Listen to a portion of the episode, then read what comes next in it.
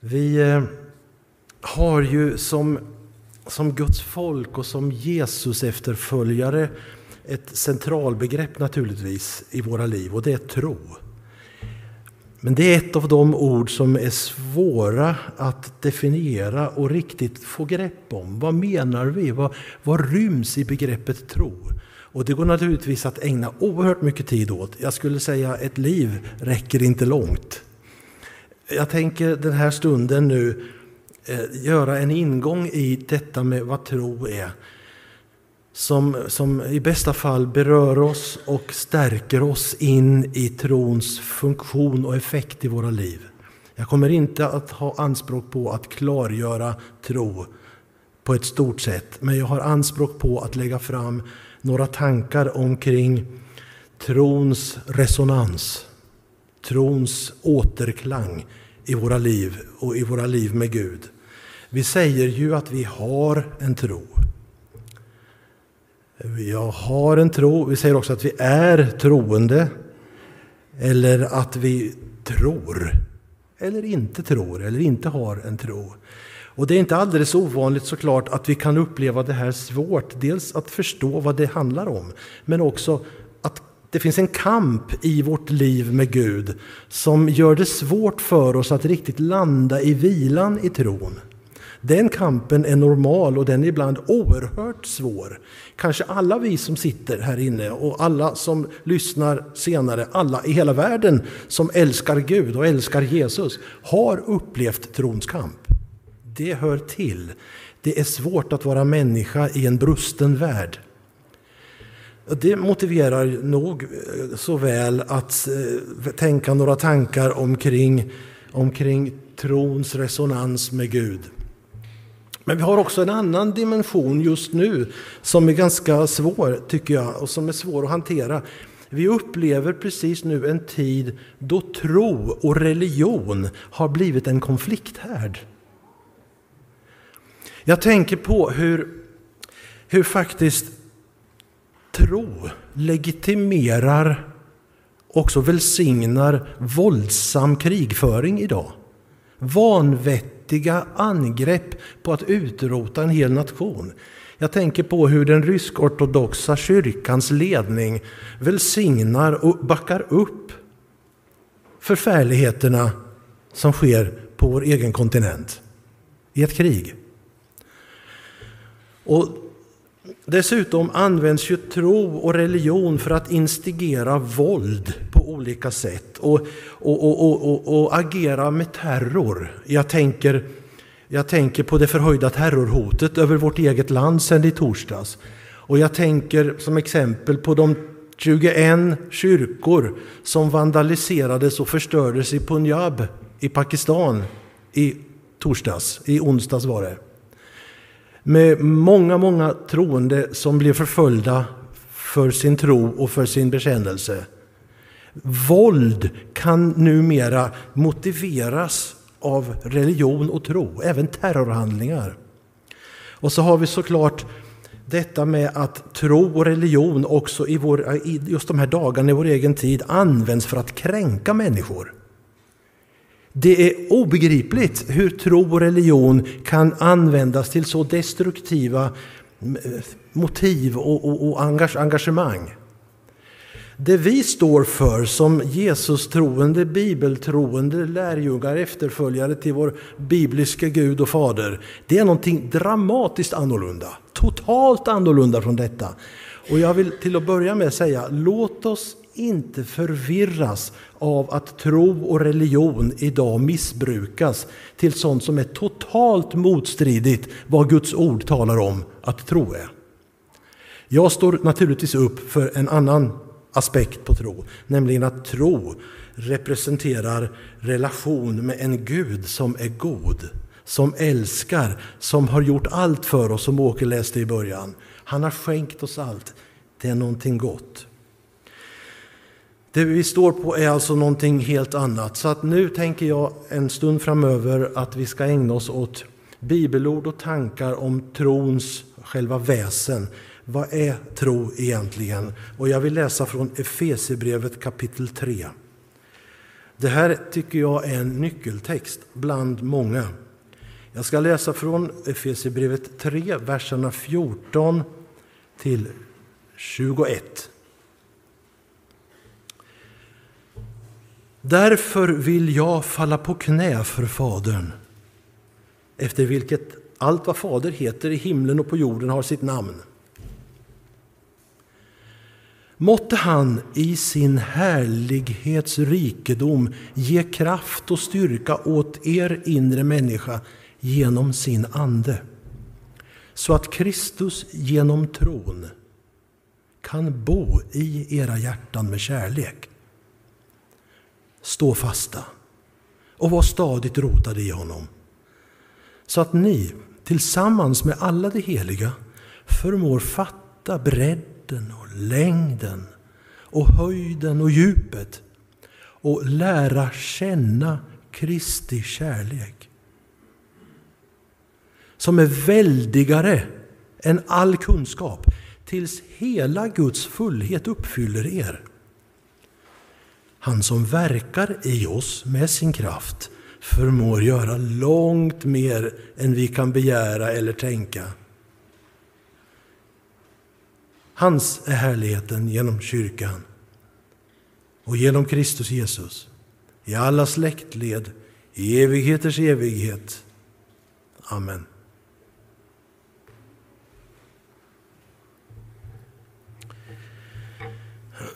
Ja, hur ska vi förstå trons väsen? Jag tänker utgå i bildspråket i det jag nu vill säga utifrån begreppet resonans. Vi funderar ett ögonblick över själva begreppet först innan vi läser fler bibelord och går vidare. Resonans är ett fascinerande fenomen. Det betyder återklang eller genklang.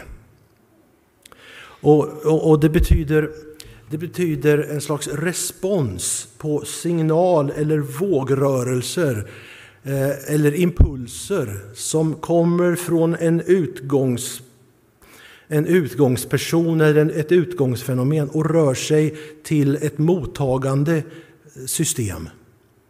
De vågrörelserna som, som, som, som det här fortplantas har förmågan att återfortplanta sig om och om igen. Och resonans kallas ibland för, för självklang eller självsvängning. Det innebär att impulser förs vidare och genererar sig, själv, sig själva i en ny miljö. Och resonansen förekommer ju i mängder med sammanhang. Det finns i mekaniska sammanhang, de här vågrörelserna, det finns i biologiska sammanhang, det finns ja, i, i mängder med, med sammanhang. Och det, det, är till och med så att resonansfenomenet är centralt i själva tillvaron. Jag har naturligtvis tagit med mig ett exempel på det som är mycket lätt att visa. Jag tog med mig min stämgaffel. Den är stämd i A. Om jag sätter fart på den och håller den här lådan så kommer jag att höra resonans i den lådan. Det gör kanske inte ni, för det blir ganska svagt ändå här framme. Men... Hör ni? Fantastiskt, vi gör det en gång till.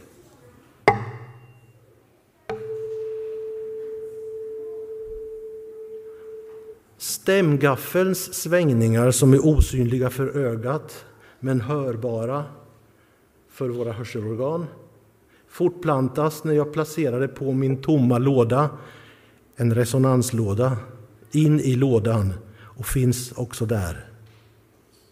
Resonans är samklang och genklang. Och resonans innebär att det överförda finns både från sitt ursprung och hos mottagaren. Och Det är också så att ju närmre resonansöverföringen sker, desto kraftigare blir den och desto mer energi överförs. Och Om vi då tänker oss att resonans är ett nyckelbegrepp i själva skapelsen och låter det finnas i vår tanke nu så förstår vi också att resonans är en grundtanke från Gud in i själva livet. Våra liv och tillvarons liv präglas just av samklang med skaparen, med ursprungsgestalten, med Gud. Det är den bibliska beskrivningen av att faktiskt Gud finns i skapelsen. Guds livet förs över därför att Gud vill ju oss väl, som Åke också läste. Och Gud är ju för oss. Och då är det klart att det är intressant att tänka vad det innebär. Eh, så, så i predikan här nu så handlar det om resonansfunktionen mellan Gud och oss människor, mellan Gud och mig som troende. Och det handlar om tro utifrån relation med Gud. För relation kräver också resonans. Mellan oss människor behöver samklang uppstå om vi ska kunna tala om relation. Relation går till och med att definiera genom, genom omfattningen av resonans. Ju mer resonans, desto bättre relation.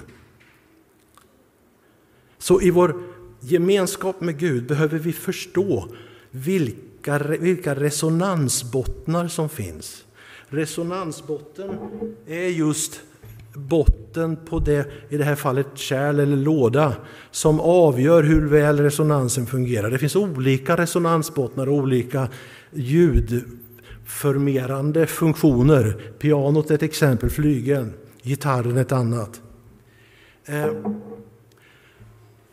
när i syndafallet förlorade människan mycket av kompetensen, förmågan ska jag säga, att ha resonansgemenskap med Gud. Det är en av katastrofeffekterna, att det gick sönder. Vi känner inte in gudsvibrationerna, gudstilltalet efter syndafallet, som vi gjorde från början då vi kunde kallas heliga, vi människor. Men resonansförmågan är inte borta. Därför är mitt huvudbudskap idag resonans med Gud kan återetableras. Och det är tro. Tro är återetablerad resonans i relationen med Gud. Och då upptäcker vi ju ganska snart att Guds sätt att närma sig, Gud som vill oss väl och vill ha relation, är flerfaldigt. I själva skapelsen, det har jag redan nämnt, men såklart också i ordet. Gud vidrör genom sitt ord, genom tilltalet i gamla tider, i Guds folkets tid, på Gamla testamentets tid, genom profeter. Men nu framför allt genom det skrivna ordet som vi kallar för Guds ord. Gud talar såklart också till oss, når oss med sina vibrationer genom den helige Ande. Ständigt. Där verkar Gud i våra liv. Och för det tredje såklart genom Jesus Kristus. Jag tänker att den här stämgaffeln illustrerar Jesus. Jesus är Guds stämgaffel in i våra liv. Så att det som händer nu, när jag gör så och sätter den i pannan och hör ett det är vad som händer när jag tillåter Guds vidrörande att ge vibrationer av Gud i mitt inre. Och jag upplever tro. Jag hör ju, jag erfar ju, det är. Så eh, ja, Kristus, att Kristus är den stora stämgaffeln är ju uppenbart i Hebreerbrevet kapitel 1, vers 1 och 2. Många gånger och på många sätt talade Gud i forna tider till våra fäder genom profeterna. Men nu, vid denna tidens slut, har han talat till oss genom sin son. Där har vi Jesus. Jesus vibrationerna kommer aldrig att upphöra. Han har kommit för att en gång för alla föra Guds närvaron åter till våra liv och han har skänkt oss sin ande för detta. Det här är ju naturligtvis väldigt underbart att tänka sig. Gud talar. David skriver i psalm 32, vers 8 om Gud. Så här, jag vill ge dig insikt och lära dig den väg du ska gå. Jag vill ge dig råd, min blick ska följa dig. Sån är Gud. På det behöver ju vi gensvara med att vara öppna för det gudomliga vibrerandet in i våra liv. Vi behöver lära oss att pejla in Guds ljud och Guds röst och öva oss i att ta emot Guds signaler. Det är trons vandring. Att lära oss att allt bättre och bättre vibrera i samklang med Gud och komma ihåg var vibrationerna har sitt ursprung. Inte i min troskompetens, utan i Guds vibrationskompetens. Där finns trons grund. Och vi lär alltså känna honom. Och David skriver i psalm 40, det är värt att läsa ett par verser där också, psalm 40, vers 7 och 9, med tanke just på gensvaret för att samklangen ska uppstå. Psalm 40, verserna 7, 8 och 9. Där står det så här. Du har lärt mig att lyssna. Därför säger jag, jag är här. I bokrullen står vad jag ska göra. Gärna gör jag din vilja, min Gud. Jag har ju din lag i mitt hjärta. Så David lyckas med de här citaten som jag har gett dels förmedla att Gud vibrerar in i våra liv med sin egen person och sitt, sitt liv. Och vi behöver hitta vägar att gensvara på det och låta resonansen medföra klang av Gud i våra liv. Det är tro. Tro är återupprättad samklang med Gud. Och eh, I och med det då så finns det ju skäl att tala om olika resonansbottnar. Olika aspekter på trons tillväxt, på trons djup, på trons mognad, på trons tillväxt. Och Jag tror att det är detta Paulus menar bland annat i texten som jag läste ifrån Efesierbrevet. Eh, som Paulus sen, förlåt, David sen leder fram till en, en, en ljuvlig tanke om vi låter detta hända. Den finns i psalm 23 och versen är nummer 2. Han låter mig vila vid lugna vatten. Se det framför dig. Se det lugna vattnet. Det tron vill verka i våra liv när vi låter Guds liv komma in i, i, i, relation till vårt eget liv, det är att vi finner vila vid lugna vatten. Och det motverkar kampen och krisen och krampen som vi ibland känner i vår tro. Det lugna vattnets miljö som Gud vill åstadkomma i våra inre är Guds hjälp till oss när vi har vår svåra kamp. Och så, och så eh, läser vi här i, i, i, nu ska vi ta den första texten här ifrån, på, på, på väggen, ifrån andra Thessalonikerbrevet 2.16 där Paulus eh, skriver eh, Eh, om Gud som vår fader som älskar oss och i sin nåd har gett oss evig tröst och ett säkert hopp. Gud agerar alltså för att vi ska finna det lugna vattnet. Vi ska finna genom hans nåd trösten och det säkra hoppet. Det säkra hoppet. Och då tänker jag att Efesierbrevet kapitel 4, som, kapitel 3 förlåt, som, som vi läste, ger oss fyra avgörande dimensioner på trons resonans. Och de dimensionerna är det vi läste, nämligen bredden, längden, höjden och djupet. Det där är lite lustigt, därför att normalt när vi skickar ett paket på posten så mäter vi bredden, längden och höjden. Men därmed har vi också mätt djupet. Så varför lägger Paulus till djupet som en fjärde tanke här? Det är lite underligt. Vi får hålla den lite levande en stund. Men jag vill ge de här fyra dimensionerna nu, eh, steg för steg, eh, på trons, trons resonansbottnar. Och eh, jag vill göra det med en illustration som kommer här. Lite små, smått är det kanske lite svårt att se, men vi ska gå igenom det. Jag ska förklara precis hur jag tänker om detta. Vi kanske ska börja med bredden. Kanske är bredden det som är förhoppningar för oss, en slags trons grundresonans. Förhoppningar innebär att vi faktiskt äger tro i våra liv. Förhoppningen är ju en önskan, en slags möjlighet jag tänker mig och Gud, om Gud och att jag önskar det också. En del av de förhoppningarna är orealistiska. Eh, för vi är människor och tänker orealistiska tankar. Men i grunden är förhoppningen någonting väldigt gott, för vi önskar någonting från Gud.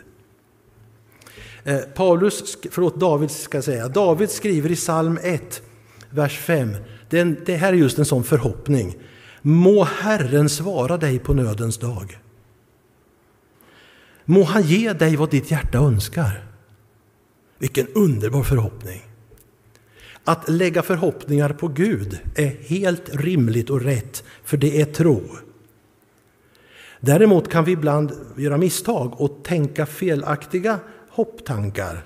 Sånt som Gud inte eh, tänker göra därför att det är människoinspirerat och inte Gudsinspirerat. Men mycket av våra hopp kan mötas av Gud därför att det är uttryck för tro. Även om vi känner att vi vacklar. Jag ska ta exempel på de här fyra också från Jesuslivet såklart. I Markus kapitel nummer 9 berättas om hur Jesus besökte östra delen av Genesarets sjö. Där gjorde han ett under i samband med en besatt man. Eh, han kom tillbaka till andra sidan och då står det i Markus eh, kapitel 9, vers 22. Nej, förlåt. Ja, Markus 9, 22. Eh, eh, då, då, då, då, står det så här. Hjälp, jag blandar ihop texterna, jag ber om ursäkt för det. Här har det inte att göra med undret jag nämnde om. Här är det en man som möter Jesus som säger Hjälp oss om du kan. Jag backar så att det inte blir något missförstånd här nu. Jesus möter många människor. Han möter en man med en son som har svåra problem. Och han behöver hjälp. Och han säger till Jesus, hjälp oss om du kan. Det är en sån förhoppning. Och Jesus möter den förhoppningen med ett positivt gensvar. Och det är gott att veta. Vi, vi, vi, leker med tanken att det här är bredden och den kan, den, den kan variera i storlek naturligtvis. Men tron har en slags bredd och här kan det vara ganska smalt. Vi vet inte riktigt hur mycket vi, vi, vi kan ta in av Guds storheten i våra liv, men vi hoppas ändå. Så förhoppningen är en viktig trosdimension.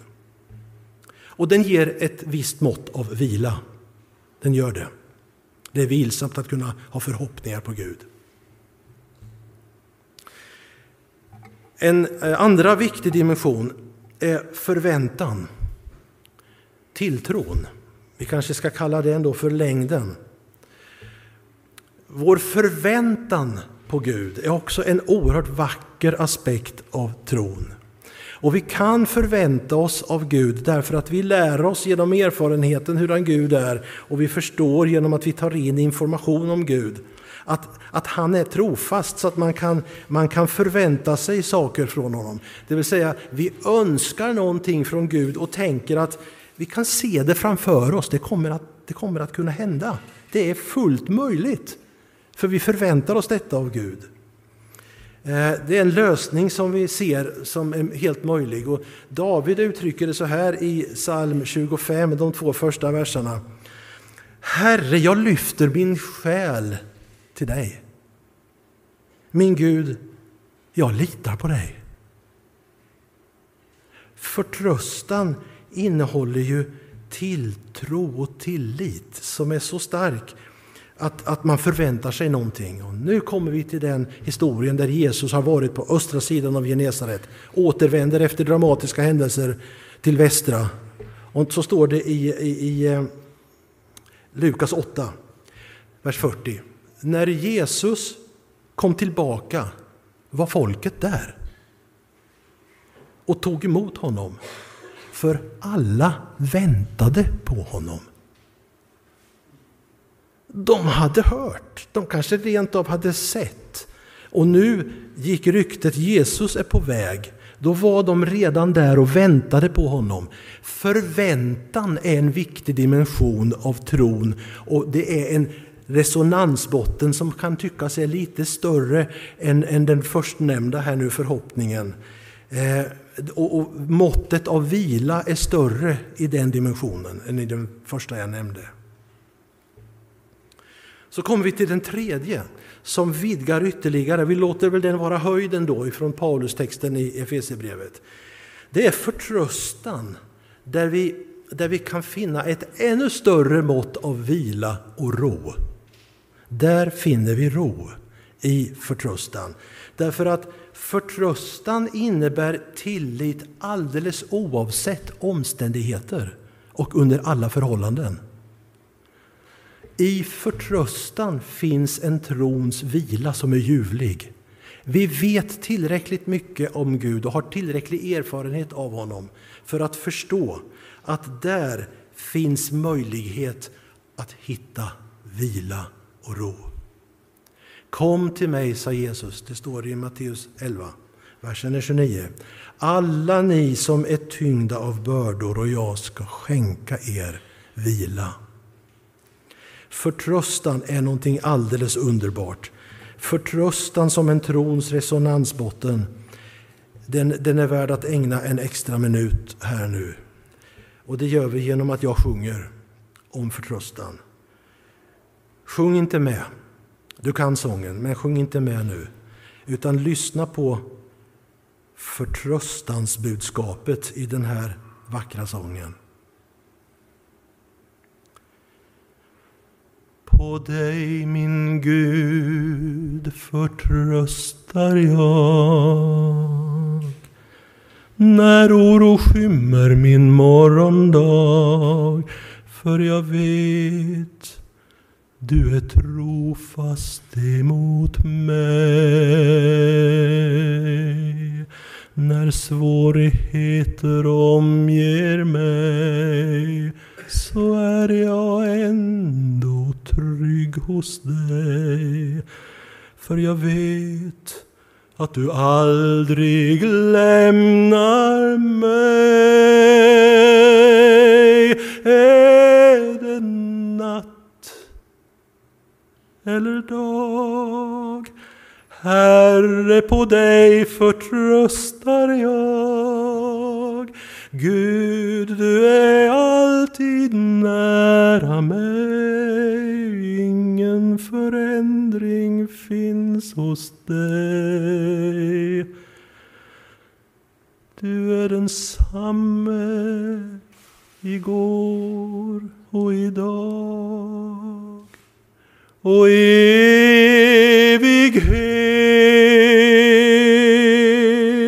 Du är min framtids säkra grund, du som står fast vid ditt förbund. Min klippa är du, allsmäktig Gud. Jag ärar dig.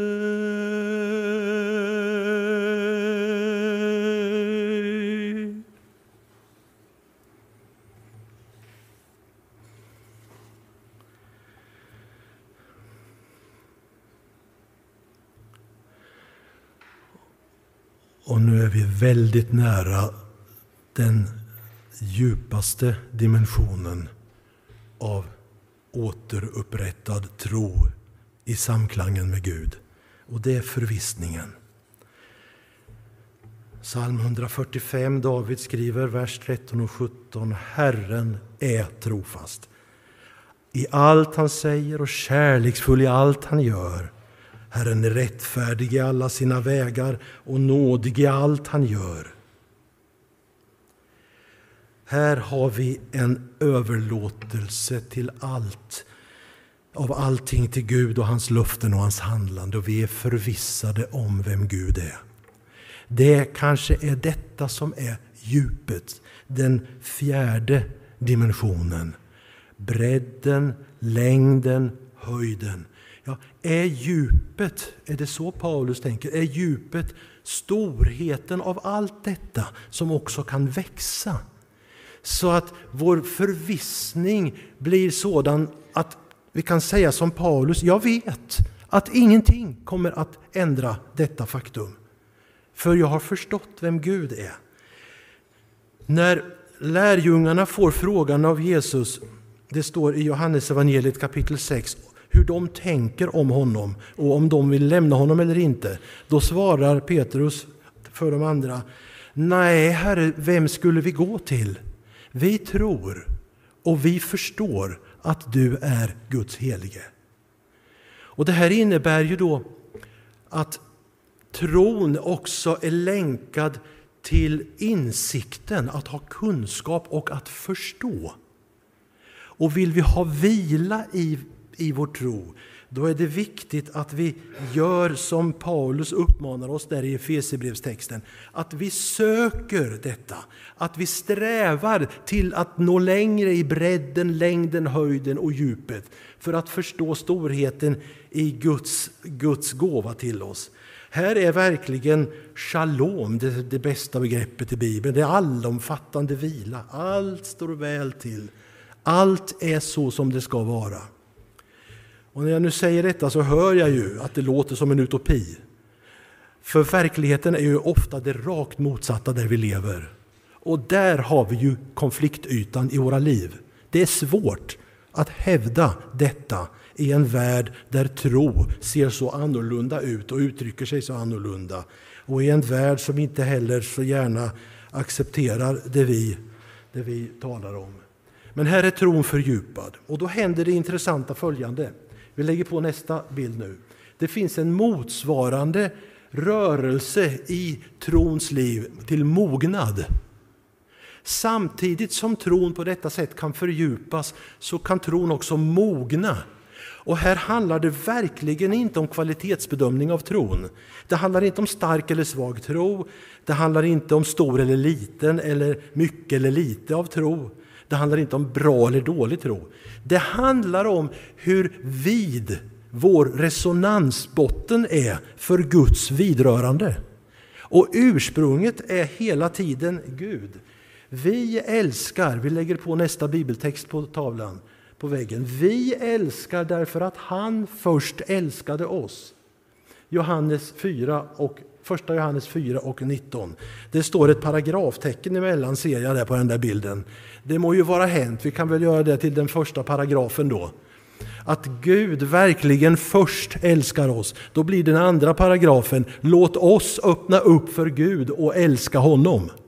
Men ursprunget för vår tro är inte vår egen förmåga. Tron baseras inte på det. Tron baseras på Guds handlande och är vårt gensvar, vår resonans på vad Gud har gjort. Så att samklingandet får äga rum och Guds inklingande vibrationer och rörelser befriar våra liv. Livet eh, möter oss med trasigheter och svårigheter. Vi går ibland genom dödsskuggans dal. Det står i psalm 23 som ett exempel, det vet vi ju. Så svåra passager så att vi ibland misströstar och känner av att vi har verkligen ingen förvissning här. Vi har knappast ens förhoppning. Men då måste vi förstå att trons liv, trons dynamiska rörelse innebär att vi befinner oss i alla dessa fält och dimensioner samtidigt i våra liv. Vi kan samtidigt ha svårt med ens hoppet och vara förvissade. Men i olika fält och områden i våra liv. Och detta är normalt. Detta är sunt. Detta är riktigt. Det är inga, inget, inget, inget svårt att förstå att våra olika resonansbottnar samtidigt verkar i våra liv beroende på var vi befinner oss i våra liv och hur vi har det och vad som händer. Så om du skulle känna att du är förtvivlad för din tro känns så mager, känns så tunn, känns så ynklig. Ja, men du har ju tro. Det, det, det är därför att du har tro som du känner att det är ynkligt. Fantastiskt, underbart. Det är förutsättningen för att mera av gudsresonansen ska kunna återvända i ditt liv. Studera ordet. Var öppen för anden. Älska Jesus. Låt Jesus vibrationerna nå dig ständigt. Och du kommer att inse att det är inte på dig det hänger, det är inte på mig det hänger. Det hänger på att Gud fortsätter älska och jag är öppen för det och låter Gud verka i mitt liv. Så visst kan vi röra oss mellan alla de här olika resonansbottnarna och så, men tron är definitivt ett skeende, en process, en rörelse. Det är själens och andens genklang med Gud.